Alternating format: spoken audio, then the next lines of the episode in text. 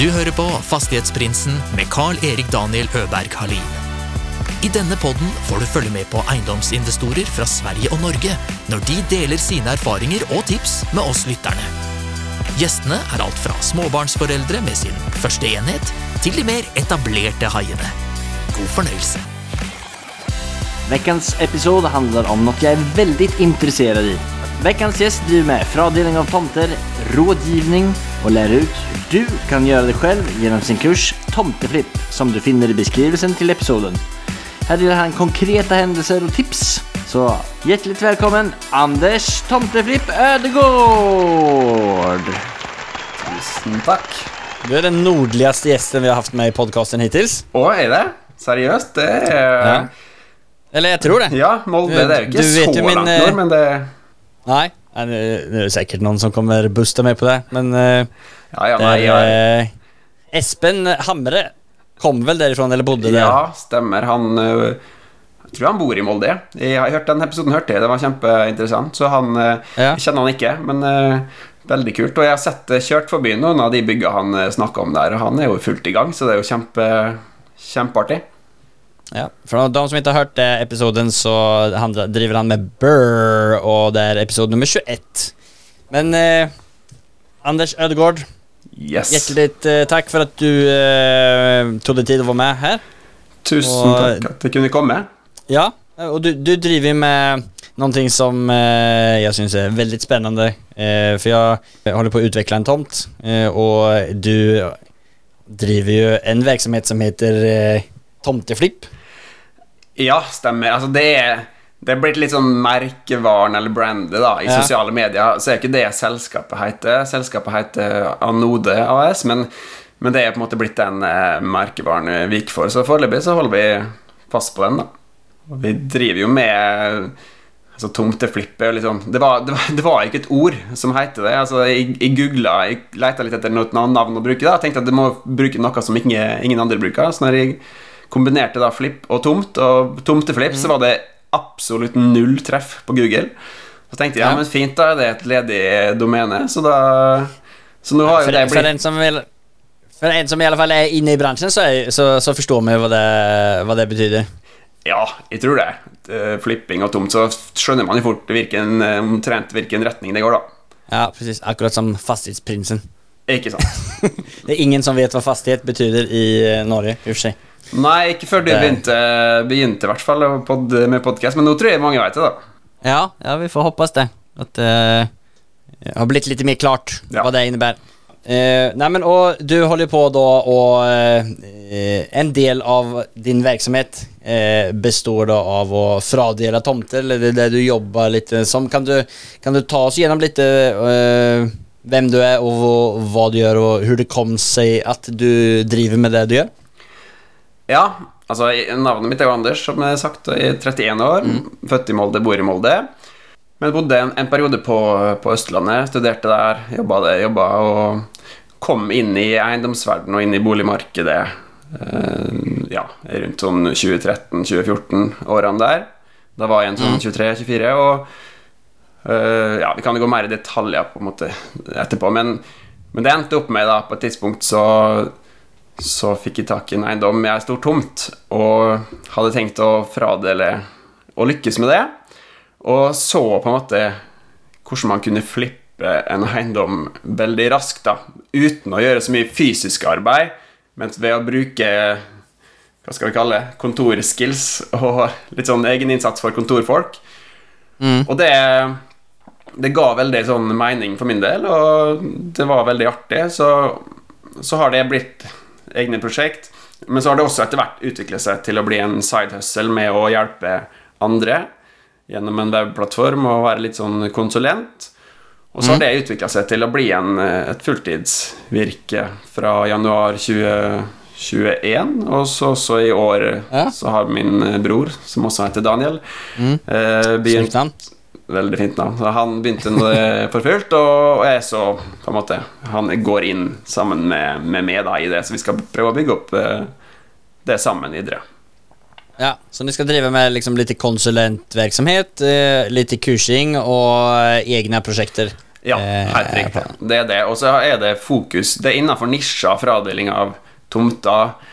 Eh, hvor vi både Det er det vi driver med, egne prosjekt, det er det vi hjelper folk med, og, og vi også kjører litt sånn gratiskurs og noen betalt kurs også i, i den retten. Så det, det er en smal nisje, men vi prøver å ha et på en måte bredt produkt, da. Mm. Og hva heter den eh, kursen eh, hvis folk er interessert av å ta den? Hvor finner man det? Kurset det er gratiskurs eh, som det er lurt å begynne med. i hvert fall Det er helt eh, åpent og gratis. Det ligger på www.tomteflip.no.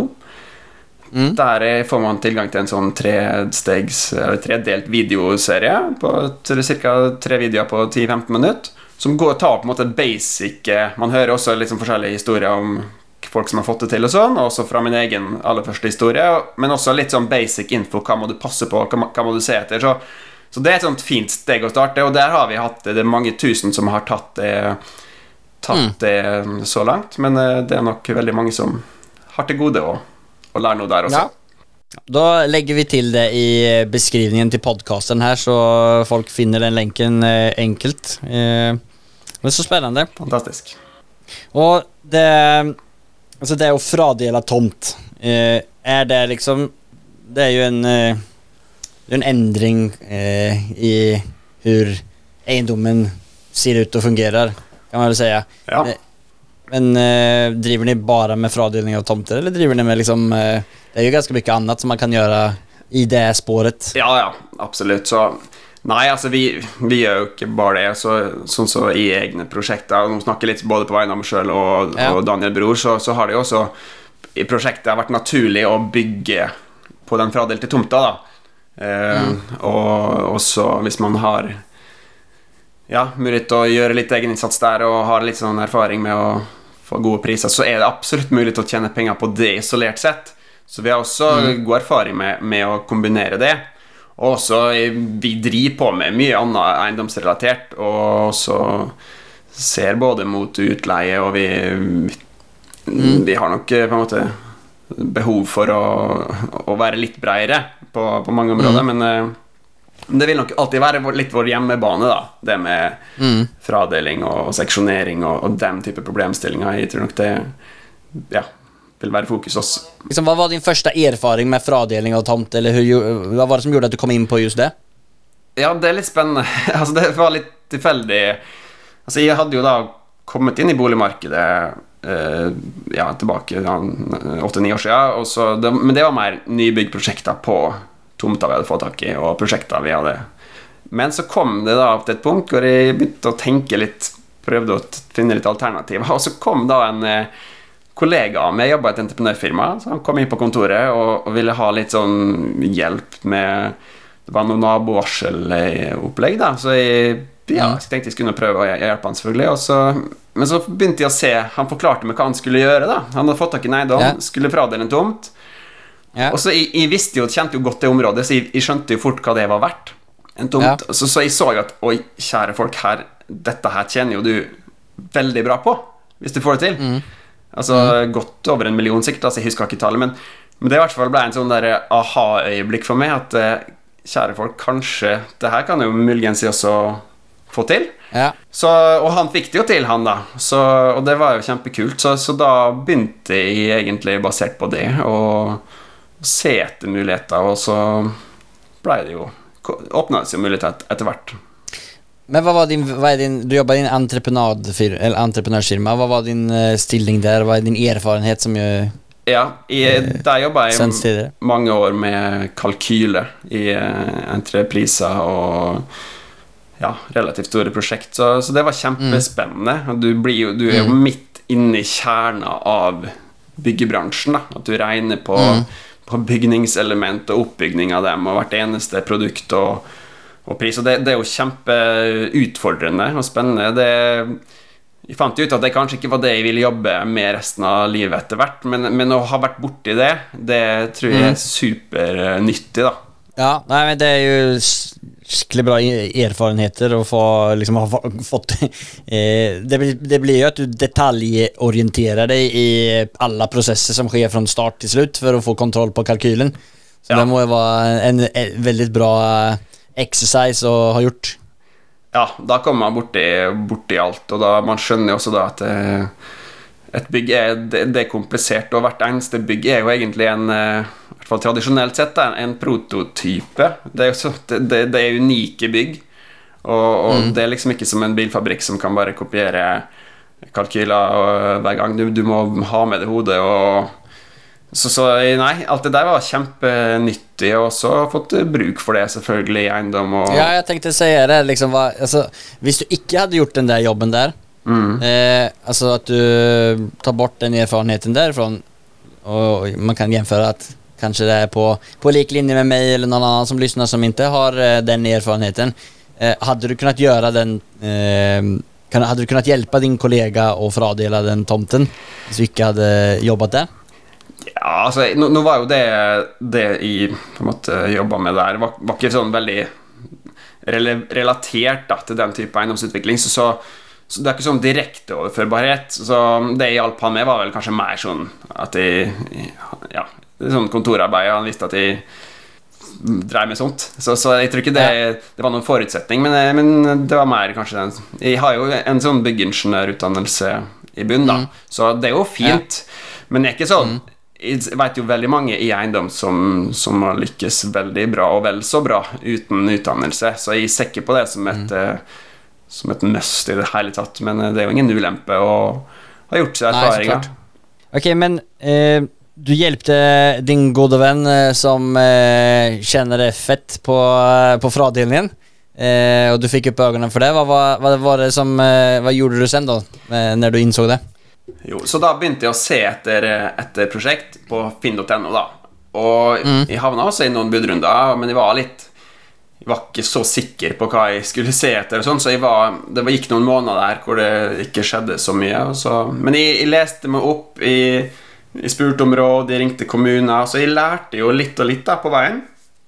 Og så da, i april 2015, så dukka et objekt opp ganske sentrumsnært i Ås som lå ute for eh, 3,7 millioner. Det var en sånn eh, enebolig, litt eldre enebolig, stor tomt.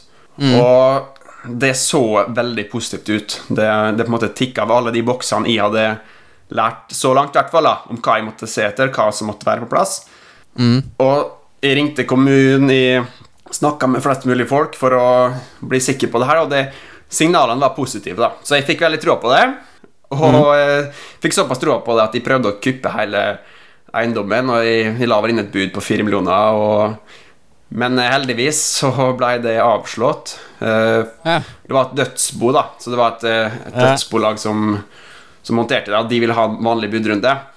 Men da endte Ja. opp med å vinne den vanlige budrunden til 3,8. Altså, så sparte jeg Ja. noen hundre tusen, så Ja, litt flaks der, da. Det hjelper jo godt. ja. Da var jeg jo på en måte i gang, og planen var selvfølgelig å det.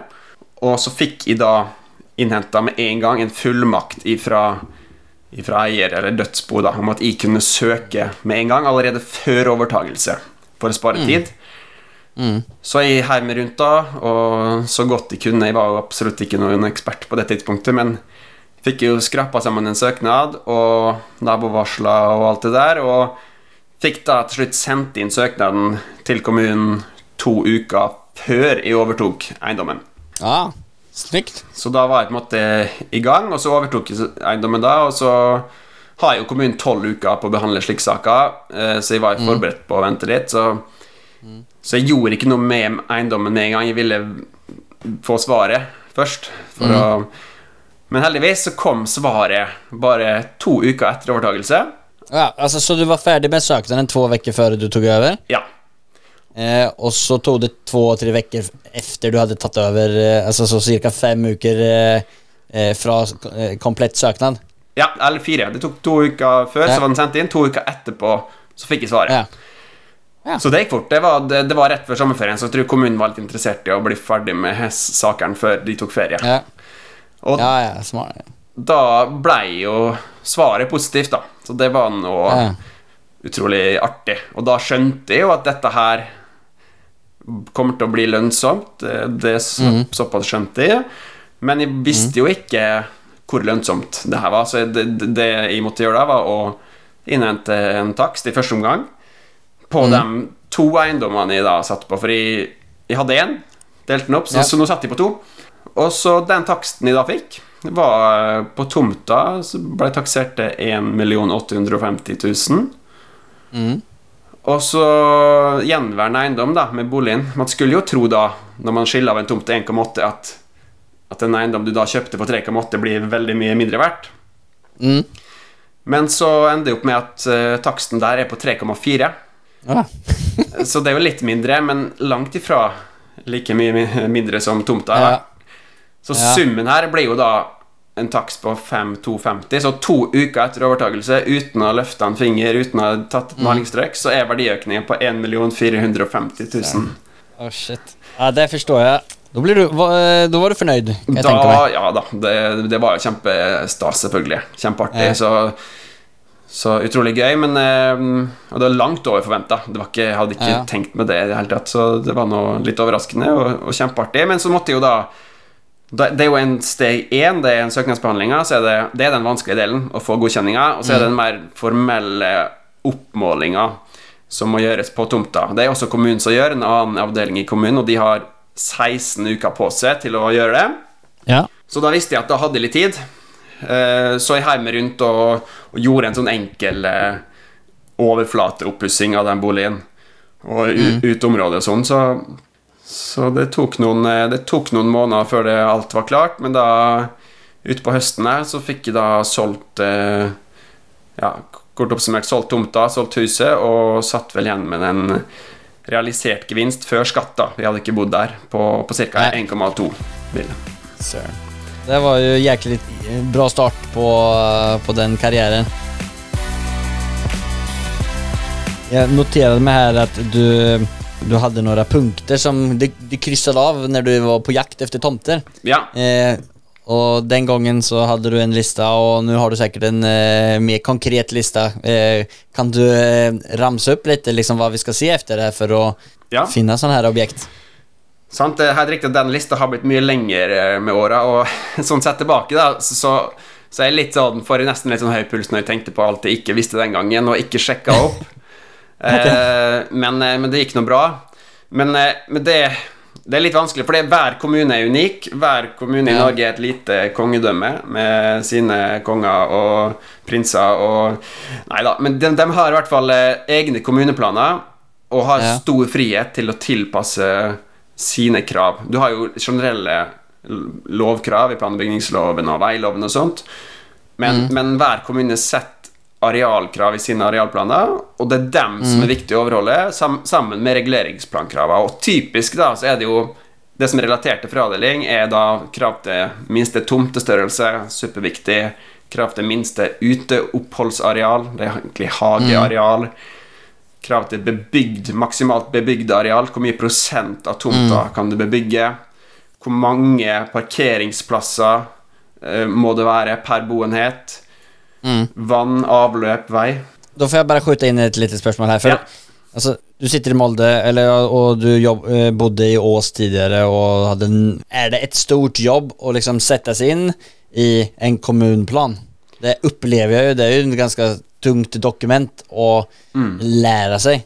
Eh, og som du sier, det skiljer seg eh, ganske mye. Jeg bor jo i Ås, og jeg bor i, på Vinterbro, og der eh, bare på Vinterbro der jeg bor, og på eh, liksom et stenkast bort, som også er ås, som heter Foleslåråsen. Det området er det liksom Der kan du ikke bygge en tomannsbolig på eh, 2000 kvadratmeter tomt, men det kan du på liksom der jeg, der jeg bor. Mm.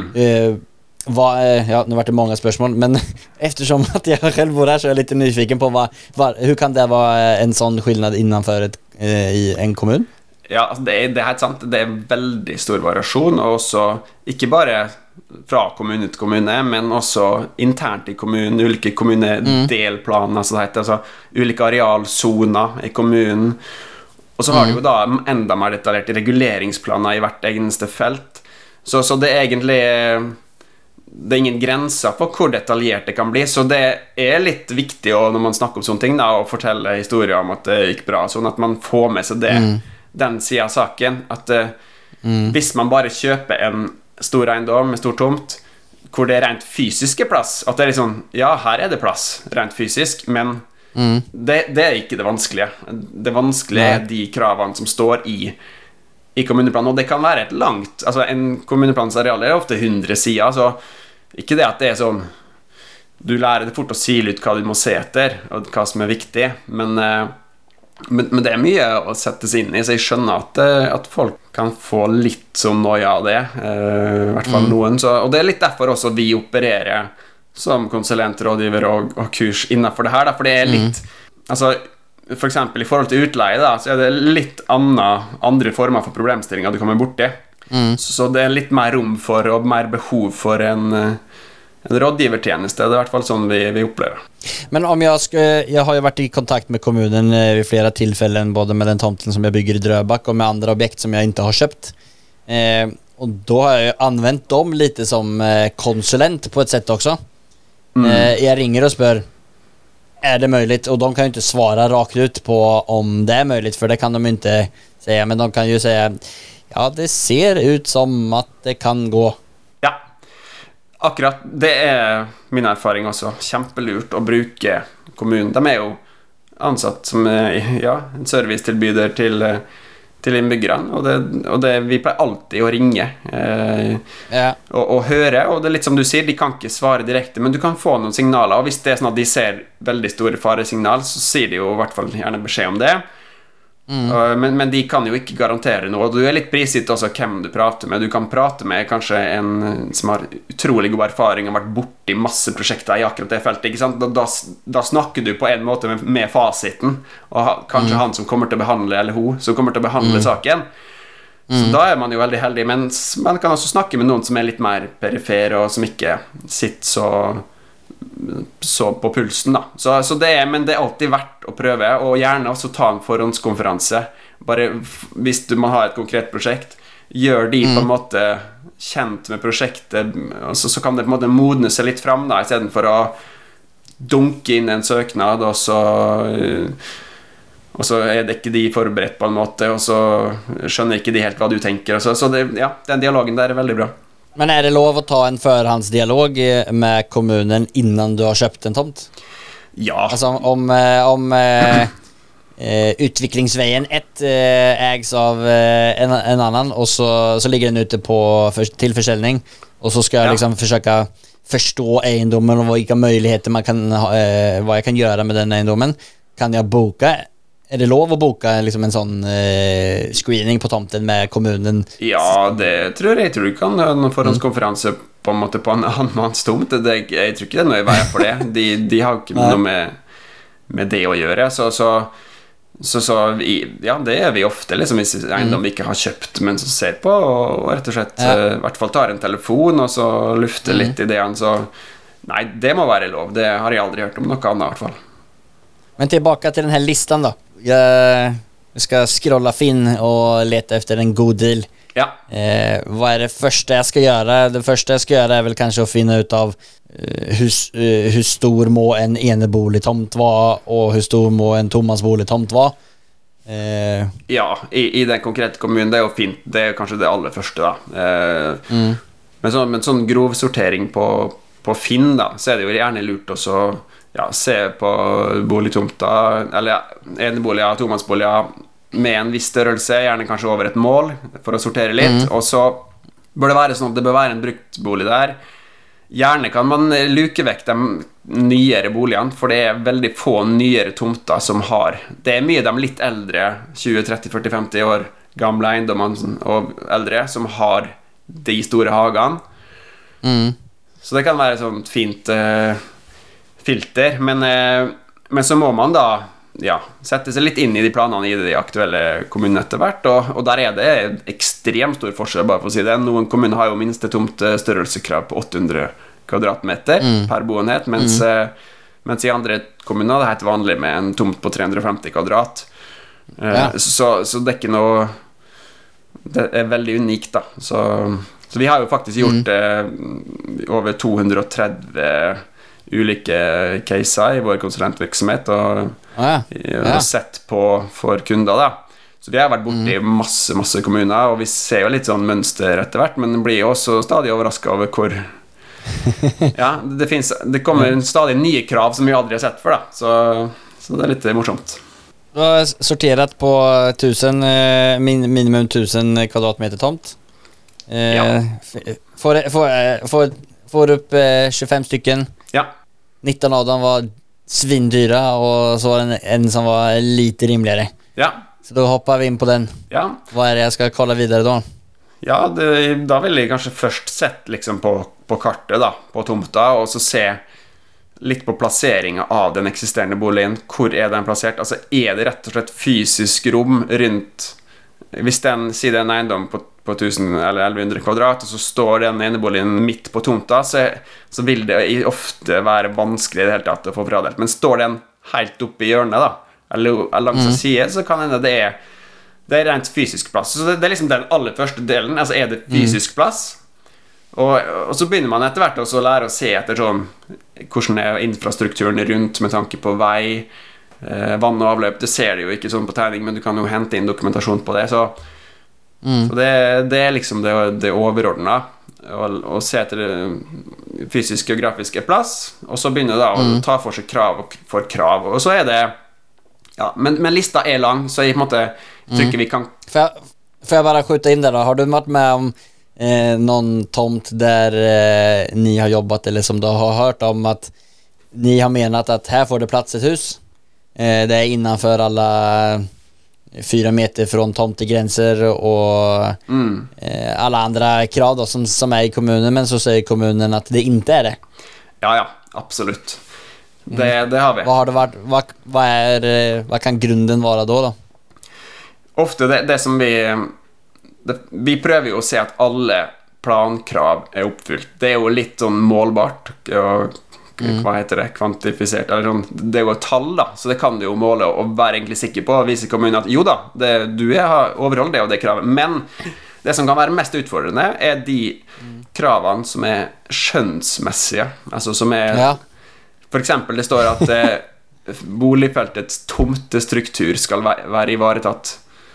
Hva i ja, At det skal være en snygg eh, kakeformad eh, tomtestruktur i stedet for en rektangulær type? eller? Ja, ja det, kan, det kan jo stå hva som helst i teorien, så, Ja. så alt det som er skjønnsbasert, er litt problematisk, fordi da Ja, da kan jo du mene én ting, men hva hjelper det om de på kommunehuset mener noe annet? Så, så det er litt sånn Det har vi lært både på, på den harde måten eh, også etter hvert, at det, at det skal man være litt ekstra obs på. da At det ikke for mye sånne skjønnsmessige Så vi, vi jobber med en case nå i vårt, uh, det siste kjøpet vi har i, i firma. Eller egentlig det første kjøpet. Vi har egentlig akkurat begynt i å Ja. og bror da å, å kjøpe eiendom, sånne type eiendommer i, i AS. Og da kom vi, har vi kommet bort akkurat den problemstillinga her, at vi, vi visste at det var et litt marginalt prosjekt. Det var, det var trangt, og vi, vi visste at vi tok en viss risiko. Men eh, alle kravene var ivaretatt, men så var det da en sånn skjønnsmessig vurdering av feltets tomtestruktur, og som kommunen okay, mener så den, den lå litt nära til hans der, altså? Det var den, den lå Ja, den, den, den, den kjenner vi godt på om dagen, så, så vi, har Ja, en, ja. vi har en klagesak gående, så får vi se hvordan det er. Så vi har en stygg tomtestruktur eh, i, i et AS med andre ord. Ja, eller altså, vi, vi, vi mener jo at den tomtestrukturen vi har søkt om, altså den tomta blir veldig bra, men eh, kommunen mener jo da at det, det vil bryte litt da med, med nabolaget, så, så får vi se hvem som Ja. eh, vinner den dragkampen. Er det litt som uh, å, vara, å, jobbe advokataktig uh, når man holder på sådär med kommunen? Ja. I og med at det er så mange regler, det er så mange kjønnsmessige greier altså, som er opp til tolkning. Det er jo litt så som en advokat fungerer också. Ja, absolutt. Man, man blir egentlig det. Nå har ikke noe juristbakgrunn, og sånn, men, eh, men i den delen av, eh, av eiendomsutvikling så er det egentlig litt sånn juridisk kompetanse og, og eh, Ja, og det er veldig fint i hvert fall å forstå juss da, til en viss grad. Og, og vi også, når det, ting blir virkelig komplisert, og sånt, så er det, jo, det er jo gjerne store verdier på spill. Det er Om du får et avslag eller om du får en godkjenning, det kan utgjøre noen millioner i forskjell. Så, så vi også bruker når det kreves spesialkompetanse eh, på, på en måte eh, juss, hvis, det, hvis det kreves. Det, det koster jo gjerne litt, men, eh, men det kan være tilfeller hvor det, hvor det er verdt det. Men det skal sies, nå ble det litt sånn svartmaling her, at etter en søknad om fradeling Det er et såkalt tiltak uten ansvarsrett. Det vil si at man som eh, privatperson har mulighet til å sende en sånn type søknad. Det er lagt opp til det fra kommunens side. side. Til motsetning fra f.eks. bygge et hus, da, hvor du må ha ansvarlig foretak og, og sentral godkjenning og alt det der. Mens en søknad om fradeling er et tiltak uten ansvarsrett. Så, så det er, og skal være, mulig for privatpersoner også å gjøre det sjøl. Men, men det har blitt mer eh, Ja, det er, har blitt også mer krevende etter hvert. Ja, nei, men det er ju jäkligt spännande. Alltså det där... eh, Jag har så jäkla mycket frågor som jag egentligen vill eh, gräva bort eh, i, i det där. Men eh, eh, det räcker ju inte till en episod att besvara alla dem.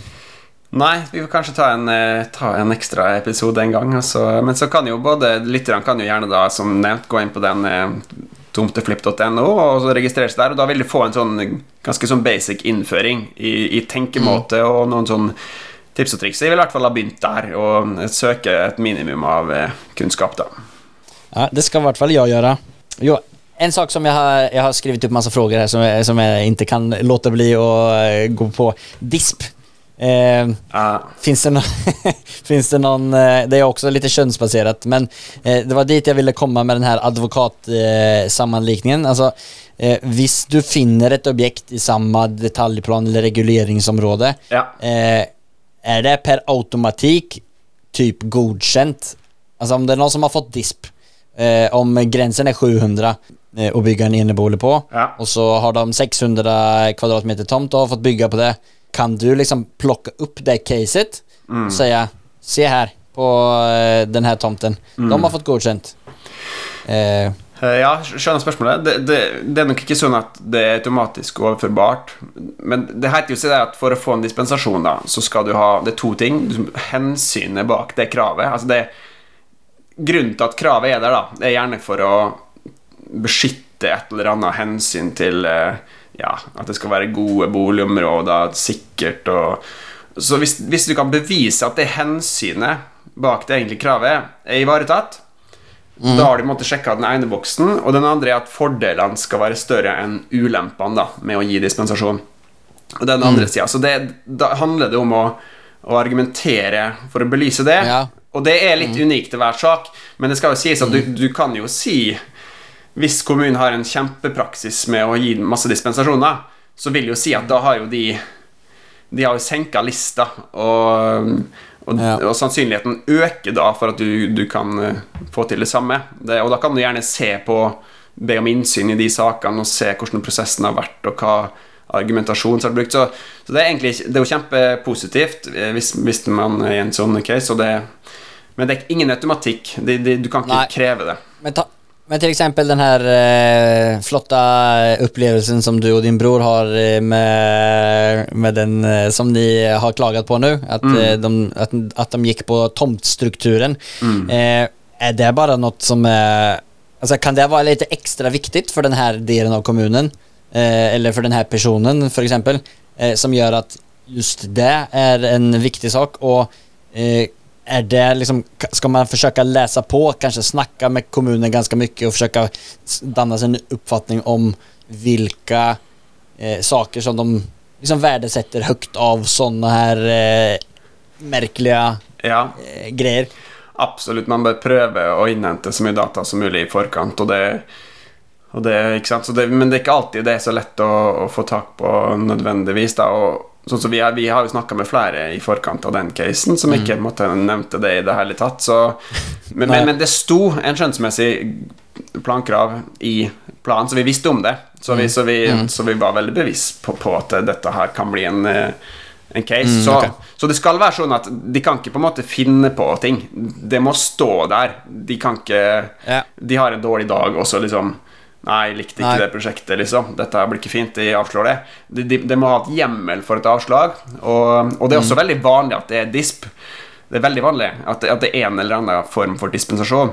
Du har jo mange typiske sånn avstand til vei, avstand til, til grense, som er som veldig typiske. Da. Og, og hvis da Si langs en, en fylkesvei, da, som er, er jo kravet skal være 50 meter, faktisk, fra senterlinjevei til bebyggelse. Men hvis Ja. bebyggelsen på begge sider av veien der er Det ligger på linje på 20 meter, Mm. da, da er jo på en måte den da er det ikke 50 Ja, meter som de gjelder i praksis.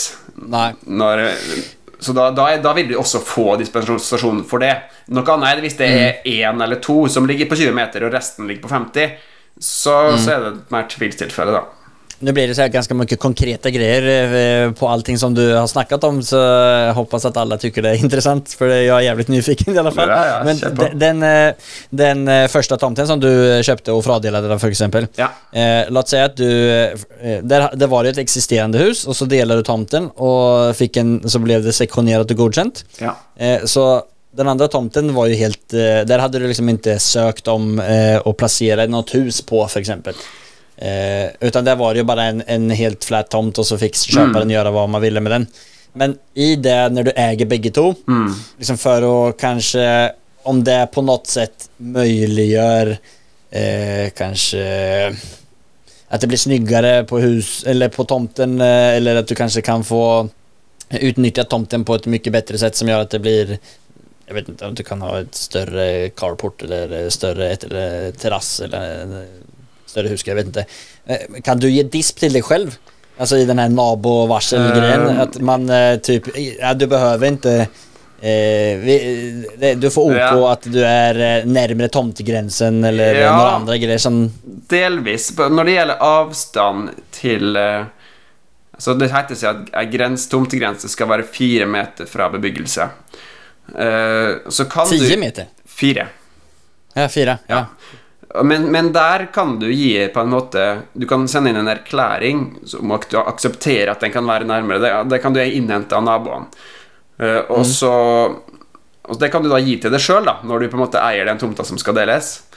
Mm. Uh, Men så kan det slå inn noe med noen problemstillinger med, med brannkrav sånn at det kan bli behov for en I hvert fall ha noe litt mer brannklassifisering eh, av uh, den nye bebyggelsen. Men, men i stor grad så kan du det. Men, men Jeg vet ikke om jeg svarer på spørsmålet, men i en søknad om deling så skal du ikke søke om å bygge en ny bolig. Det kan du også gjøre. Du kan jo søke om det samtidig, men da er det to ulike søknader.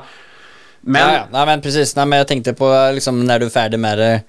øh, og det, det kanske inte är någonting som du har grävt ner så jävla mycket i, men eh, när vi ändå är inne på dispspåret. Ja, ja så, så i noen former, men spesielt med avstand, sånn, mm. så kan du gi på en måte litt det sjøl en, en disp. da Men, eh, men de, det er mange krav hvor du ikke kan det, for å si sånn, hvor kommunen er instansen.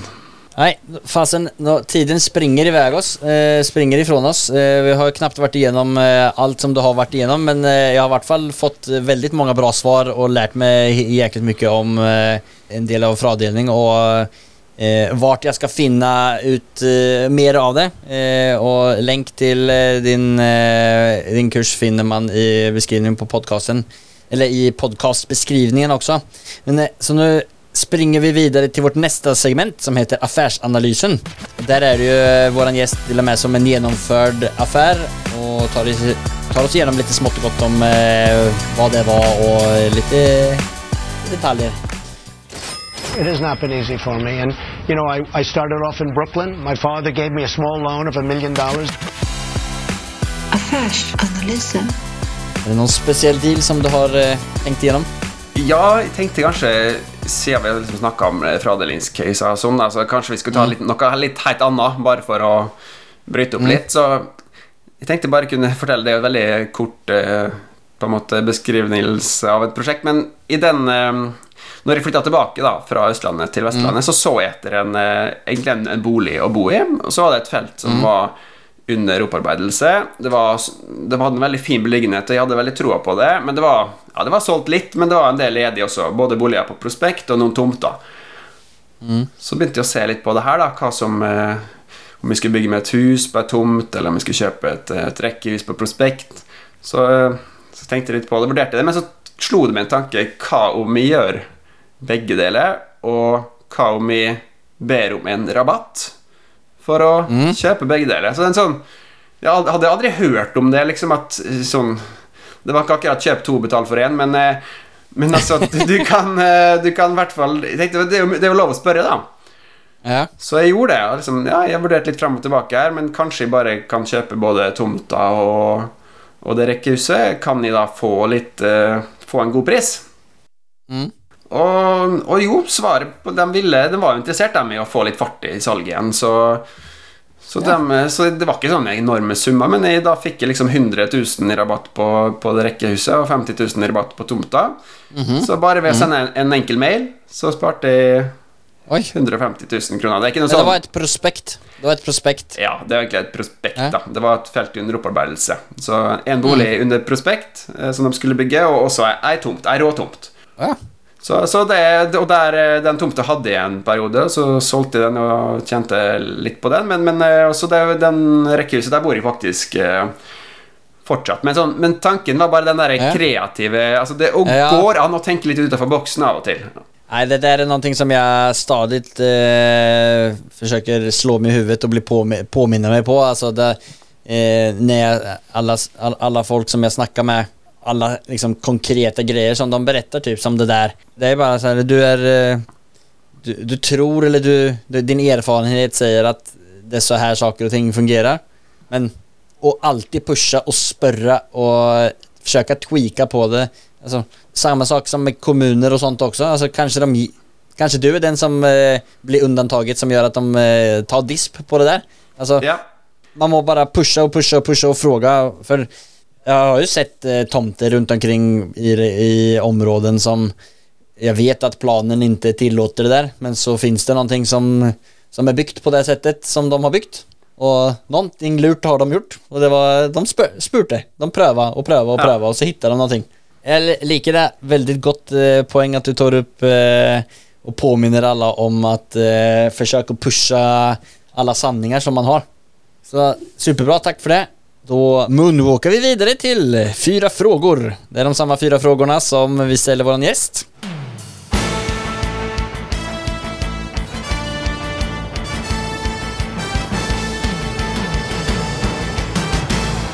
Cuatro preguntas. Och den første frågan er Vad er det som skiljer en framgångsrik entreprenør mot den som ikke lykkes, slutter eller aldri kommer igång?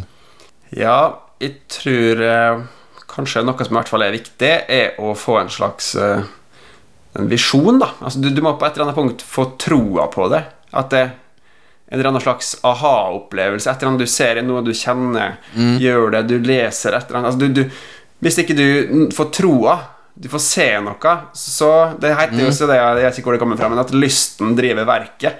Så hvis du på en måte får den derre aha det er litt sånn som han, eh, min gode venn som kom inn på kontoret der hos meg, eh, så, som viste meg. Og så Det var et sånt aha-øyeblikk. Og, så- og så er det jo fort, hvis du får troa, da, da skjer det gjerne ting litt der på autopilot, og da, da kommer gjerne gjennomføringskraften og evnen, som er selvfølgelig Det handler jo om det, å være gjennomfører, men, men, men å starte med Og det er ikke så lett, da. Hvor skal du gå for å få, få troa på det, på en måte? Men jeg søker søke kunnskap, høre på podkasten din og andres, lese bøker, bli god til å google og ta kurs. Altså hele den. Det er bare å begynne. Ja, ja men fast du slår huvudet på spikeren på mange punkter her, jag. Det der er et jättebra tips. Altså, og eh, når man vel får den der troen, eller man liksom eh, aha og momentet så, så eh, har du ju som regel kanske inte alla svar på hur du ska komma dit men det blir bara så här det här är the shit. Jag ska komma dit. Jag ska finna ut vägen och jag har superstor tro på det jag med. Till skillnad mot att jag kan relatera till det där väldigt mycket själv. Alltså med, med allt som jag har startat de sista liksom, året med fastighetsprinsen och egendomsutveckling och allt sånt som jag bara jag kunde ju ingenting men hade tro på att det här skulle hjälpa mig att gå den vägen. Men när jag liksom tidigare under åren har letat efter en eh, kul affärsmöjlighet eller eh, en tomt eller någonting och inte haft det såklart så har det varit så här, ja, ja men eh, det här är ju en bra idé men så kommer alla de här Ja, sant? do, do's and don't och så bara lägger man den i skuffen. Men det här fick jag bara sån, aha, och så bara, poff, Ja. så, då- så bare kjører man. Ikke sant? Og da, da er man i gang før man vet ordet av det. Og så selvfølgelig lærer man etter hvert, og så gjør man jo feil. Det, men, men da er på en måte Da er man i gang. Eh, Så det Men hur, hur, liksom hur, eh, de som ikke har haft det der aha-momentet da? Hur, har du liksom, tenker du rundt at man, Hvordan kan man trigge det?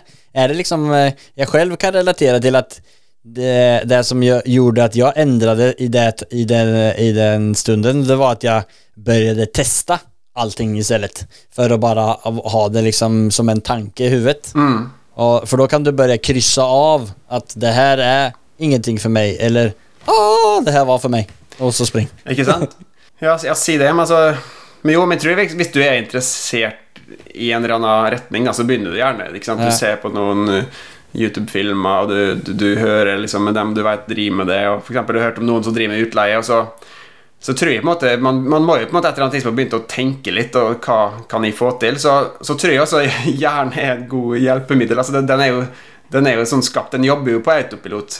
Hvis man først begynner, så, så, så får man Det kommer automatisk, det tror jeg. At man eh, Ja. får litt sånn eh, lys, at hvordan man kan eh, Du følger litt med i det lokale markedet, plutselig ser du en leilighet kommer ut, og bare ah, ja, kanskje jeg kan bytte noe gulv og pusse opp litt her og leie til noen studenter. Altså, jeg tror det er Nei, jeg vet ikke, jeg har ikke noen gode tips, men det, det er bare å begynne, tenker jeg. Ja. Eh, andre spørsmålet om alle eiendommer var tilgjengelige for deg, og om penger ikke var motivasjonen. Hvilken eiendom hadde du forvervet, og hvorfor?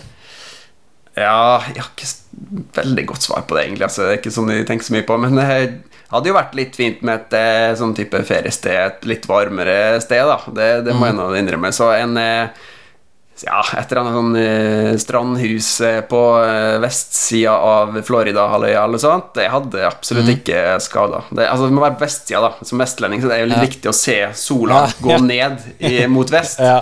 mot havet. Ja. ja, annars känner man sig inte hemma. Ja, annars så åker man inte bort från Molde. Nei, sant. Så det var lite jobbigt att vara nere i, i Oslo och bo Ja, där. det var tungt. Nei da. Nei da, jeg trives, trivdes veldig godt der. Men sånn er jeg veldig, veldig glad i Molde og Vestlandet, så jeg trives kjempebra. Tredje spørsmålet da, om du har et bra boktips for en som er interessert i eiendomsinvesteringer. Ja, jeg, altså, jeg, jeg leser ikke veldig mye sånne eiendomsbøker. Jeg har lest noen, så, men mm. jeg tenkte kanskje hvis jeg skulle dra frem noe, så vil jeg heller et bloggpostinnlegg. Som, Oh, ja. eh, som er veldig kort, eh, men veldig bra. Det heter Do Things That Don't Scale. Av en som heter Paul Graham. Han er en av eh, ja, de som starta Y Combinator, som er en sånn eh, oppstart eh, akseleratorprogram borti Silicon Valley. Så det er ikke, det er ikke eiendom, egentlig, men det Jeg syns det var veldig bra og nyttig sånn hvis man skal Så er det do, så do things that not scale. Ja, do things that don't scale. Ok? Og det, det, det egentlig han forteller er at de som starter De har jo måte vært med å starte opp veldig veldig mange av de store, sånn som Airbnb og Stripe og masse sånne firmaer. Og det som kjennetegner dem som lykkes, sier han da, er at de, de begynner liksom ikke med noe som er superautomatisk programmert, flotte produkt. De er liksom midt De bare starter med å hjelpe én og én kunde. Han forteller historier der om Airbnb-gründerne som gikk fra dør til dør nærmest og banka på og, og fikk én og én kunde inn på plattformen, tok bilder for dem. Altså bare rett og slett den Det er jo utrolig lite skalerbart, da, men i den prosessen så syns jeg han får fram veldig da, at du, du, du lærer så mye. Og, og du da veit seinere hva du må automatisere. Og det er ikke direkte overførbart til eiendom, men jeg, jeg syns det er bare hele den tankegangen. Du må bare sette i gang og, og gjøre jobben, på en måte. Så, så kan man heller etter hvert se man, eh, hvordan man kan effektivisere ting. Det var et litt annorlunda vinkling på tips. Eh, Alltså, i følge av dagens värld så handler det jo mye om tvärtom. Altså, hvordan kan du skalere, hvordan kan du automatisere, og man skal tenke på det i starten Mm. såklart. Eh, Men eh, Ja, så det, Men det, det han- litt, eh, det gir litt sånn litt eh, mening sånn sett, men, men han leste det, så skjønner man det at eh, egentlig Ja. er det veldig logisk. Ja, men då får du skicka den så ska vi länka den i beskrivningen också. Ja, det kan vi gjøre. Det blir spännande. Så, sista spørsmål. Nämn det mest storartade, morsomme, minnesvärda sättet som du har firat en genomförd affär eller seger på. Ja, det var det, da. Er dessverre, som mange av dine tidligere gjester som jeg har hørt, da, så er jeg dårlig på det, Ja. det der med feiring. Så det er mer den der eh, hverdagslige Det her Eiendom er på en måte jobb, da, for, for meg, og, og det jeg har mer den der gleden av å, å lære underveis og, og se det er egentlig de små små tingene, egentlig. Det er veldig artig å, å utvikle ting og skape noe. Så, men jeg, det er klart, det er jo en bedre følelse å få en eh, brev fra kommunen om at eh, en fradeling er godkjent, enn at den er avslått. da Det, det kan man Ja. jo ikke stikke under en stol. Så Så da tar vi oss en eh, kaffe og eh, smiler i fem minutter også, og så går vi videre. Oj. Ja, ja, men det kostar på deg en hel, ja. en hel minuts smil. Ja, det, är ju det, inte, det är såpass. inte värst. Nej, men så bra. Er Är ni på jakt efter några speciella deals? Eh, I vilka områden i så fall? Nei, jeg er egentlig ikke det. det. Jeg har på en måte aldri sett problemet med å finne deals. Jeg syns det er flommer over Hvis ja, bare åpner finn.no og jeg har noen sånne lagre av søk. Altså det, det, det, det kommer jo inn titalls hver dag potensielle caser som man bare kunne ha dykka ned. Ikke at alle de er superbra, men altså Begrensninga er jo tid til å se på alt det der, så, så, så det er nok av Vi føler det er mer enn nok av, eh, av spennende eiendommer. Men hvis du har eh, gullbrillene på deg, eh, kan ikke du, eh, kan ikke det bli et nytt ben fra, i din verksamhet at du finner deals og pakketterer og säljer? Ja, det kan hende. Hvis, hvis det, det, det Ja, for det kan jo være at det Jeg syns jeg skjønte at det er noen som ikke alltid klarer å se så mange deals. Så, så det, det er en spennende tanke. Tanken har slått meg, og det kan være rom for et eller annet produkt i den retning. Da. Så, så hvem veit hva framtida bringer. Så hvis man vil komme i kontakt med deg angående via for kurs eller for konsulent eller for at du skal fikse en At du skal sitte et autosøk på deres område på Finn og selge tomter til dem. Hur kommer man eh, i kontakt med det på beste sett? Da Ja, vi, vi har en eh, Hvis man har liksom behov for litt rådgivning og sånn, så vi har en webside som heter www.fradele.no. Så vi har ulike rådgivningspakker hvis man har eiendom, da.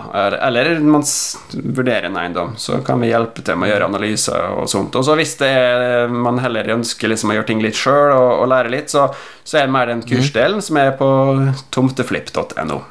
Men så bra. Eh, da legger vi alt, lenker som vi har snakket om i beskrivelsen på poddavsnittet. Eh, har du noe eh, siste tips før vi takker for i dag til, våra, til alle nye investerere? Nei, jeg har egentlig ikke noe. Jeg føler vi har snakka veldig mye spennende ting i dag. Og det er veldig, men jeg kan si at jeg setter veldig pris på det, den podkasten din, og jeg har lært veldig mye av tidligere gjester. Altså, jeg syns det er kjempespennende å høre om eh, altså Det som ble nevnt også, det, det er så utrolig fascinerende hvor mange ulike historier det er, og hvor mange ulike nisjer det er. Så det er, og det Jeg tror ikke den grensa er nådd i det hele tatt. Jeg tror det er masse nisjer man kan Ja. finne og skape seg innen eiendom og andre ting. Så det er ikke noe Jeg føler ikke det er noen sånn begrensende faktor. Man skal være så redd for konkurranse. Det handler bare om å, å ja, komme seg ut og komme i gang. Så jeg tror det er masse muligheter for de som er unge, og, ja, og de som vil, vil få til noe i eiendom. Ja men eh, godt summert. Tusen, tusen takk for at du eh, var med Anders. Det var kjempekul, og denne episoden skal ser jeg veldig ser jag väldigt mycket fram mot å lyssna på selv. For jeg er eh, litt nerd for tilfellet på just det her med fradelingen av tomter. Så inn og sjekk på alle lenker som vi har lagt i beskrivelsen. Tack så jättemycket Anders. Selv takk. Tusen takk for at du kunne komme. Ha en superfin dag. Hej hej. Så, ha det, ha det. Det här avsnittet var riktigt intressant och jag lärde mig massa bra saker och det hoppas jag att du också gjorde. Jag rekommenderar att ni går in på länken i beskrivelsen och registrerar er till Tomteflipps gratis webbinar så får ni ännu mer kunskap där. Nu måste jag gå och studera lite geografi av obvious reasons. Ha det! igen!